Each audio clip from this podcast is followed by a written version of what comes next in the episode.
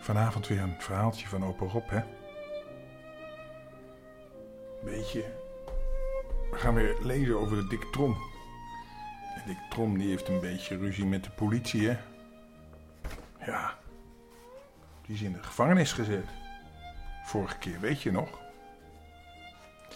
Ja, Dick Trom is natuurlijk ook iemand die altijd grappen uithaalt. En met name op 1 april zijn er natuurlijk veel grappen.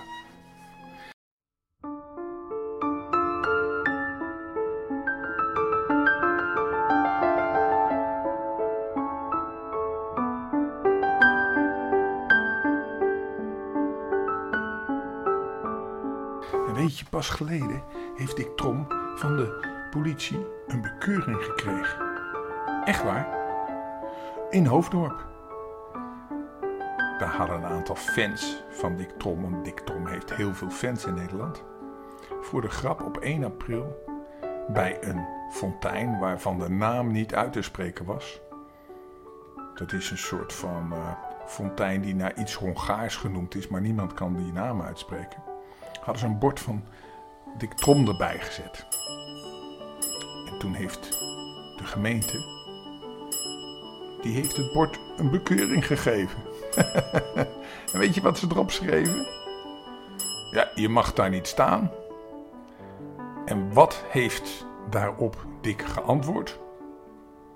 Tja, ik ben een bijzonder ventje. En daar ben ik. Kom, we gaan gauw terug naar Dick Trom in de cel. Je weet wel, hij was erin gegooid door Flipsen, de veldwachter. Het was aardedonker in de cel. Dick kon geen hand voor ogen zien.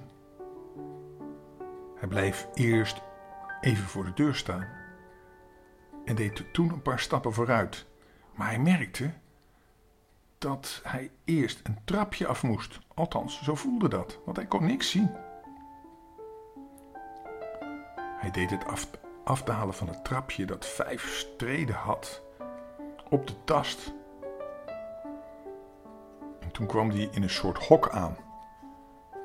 Dat had maar één venster, een soort vierkant gat met een ijzeren staaf in het midden. Een bout. Daardoor kon hij niet door het gat heen om te ontvluchten. In het hoekje stond een stenen bank en een paar bossen stro op de grond. Die verspreidden een hele muffe geur en uh, Dick ging daar echt niet op zitten. Dus die ging met zijn uh, dikke ledematen maar even op het stenen bankje zitten.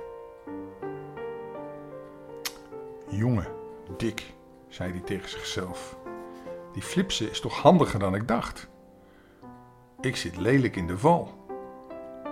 Wat zal mijn moeder schrikken als ze het merkt dat ik niet thuis kom? Het zou me wat waard zijn als ik hier snel weer uit kon zijn. Mijn moeder is nog zo zwak.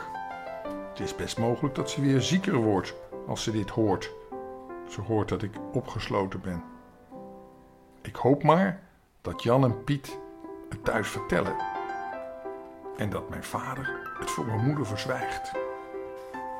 Ja, dat zal hij wel niet kunnen, want mijn moeder wil altijd het naadje van de kous weten.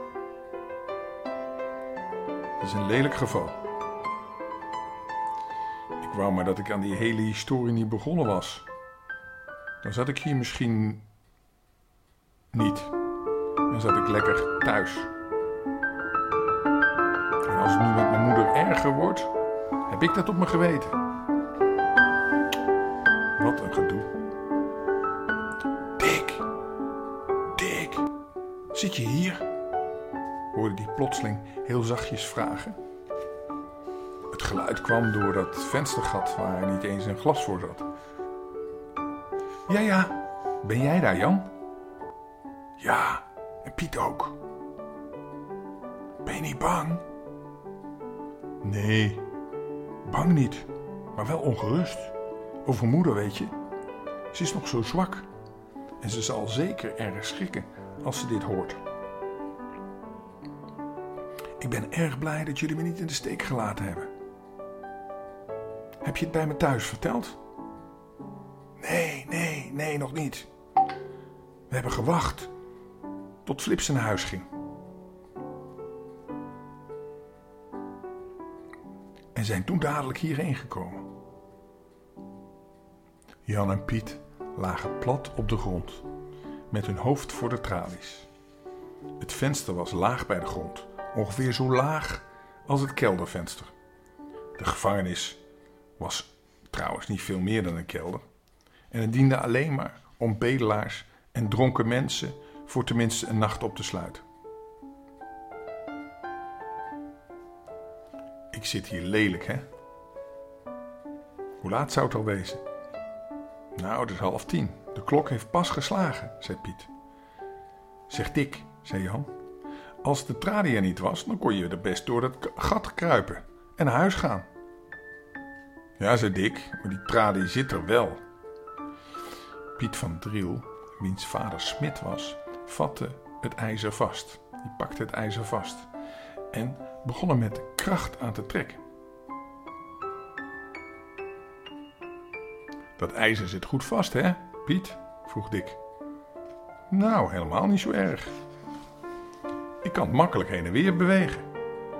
Die bout op zich is sterk genoeg, maar het kozijn eromheen, het hout eromheen, is nogal vermomd. Dat betekent eigenlijk dat het hout rot is. Heb je geen mes? Tuurlijk heb ik een mes, zei Dick. En zijn moed begon te herleven. En een goed mes ook. Hier. Zou je het los kunnen krijgen? Nou, we gaan het proberen, Piet, zei Jan Vos, vol vuur. Het zou me wat waard zijn om je eruit te krijgen, Dick. Wacht, ik heb ook nog een mes.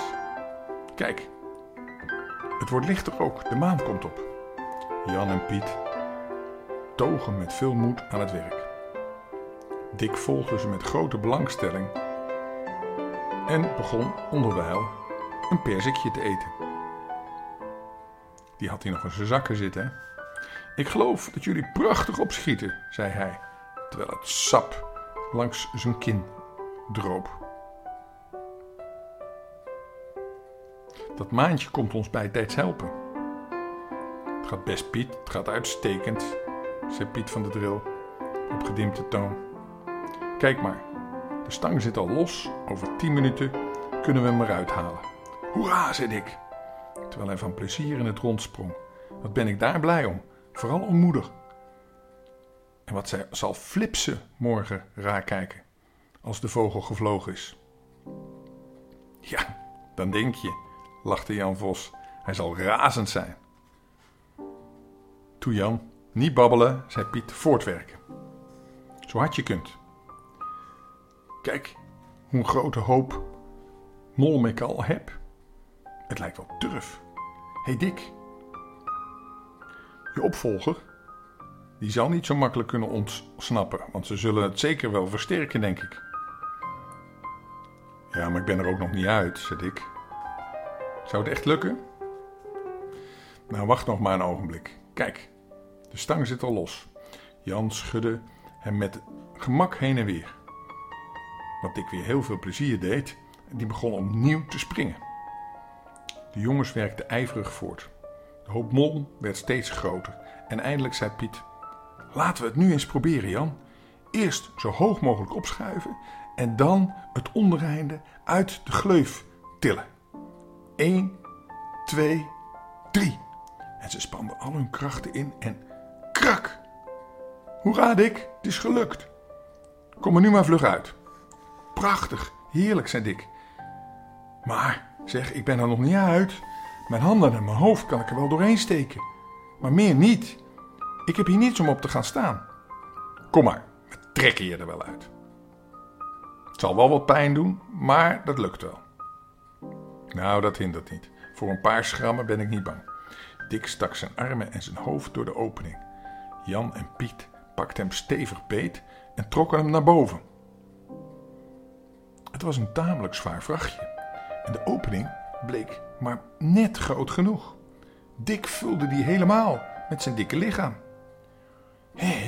Dat is zwaar. Ik moet even rusten, zei Jan.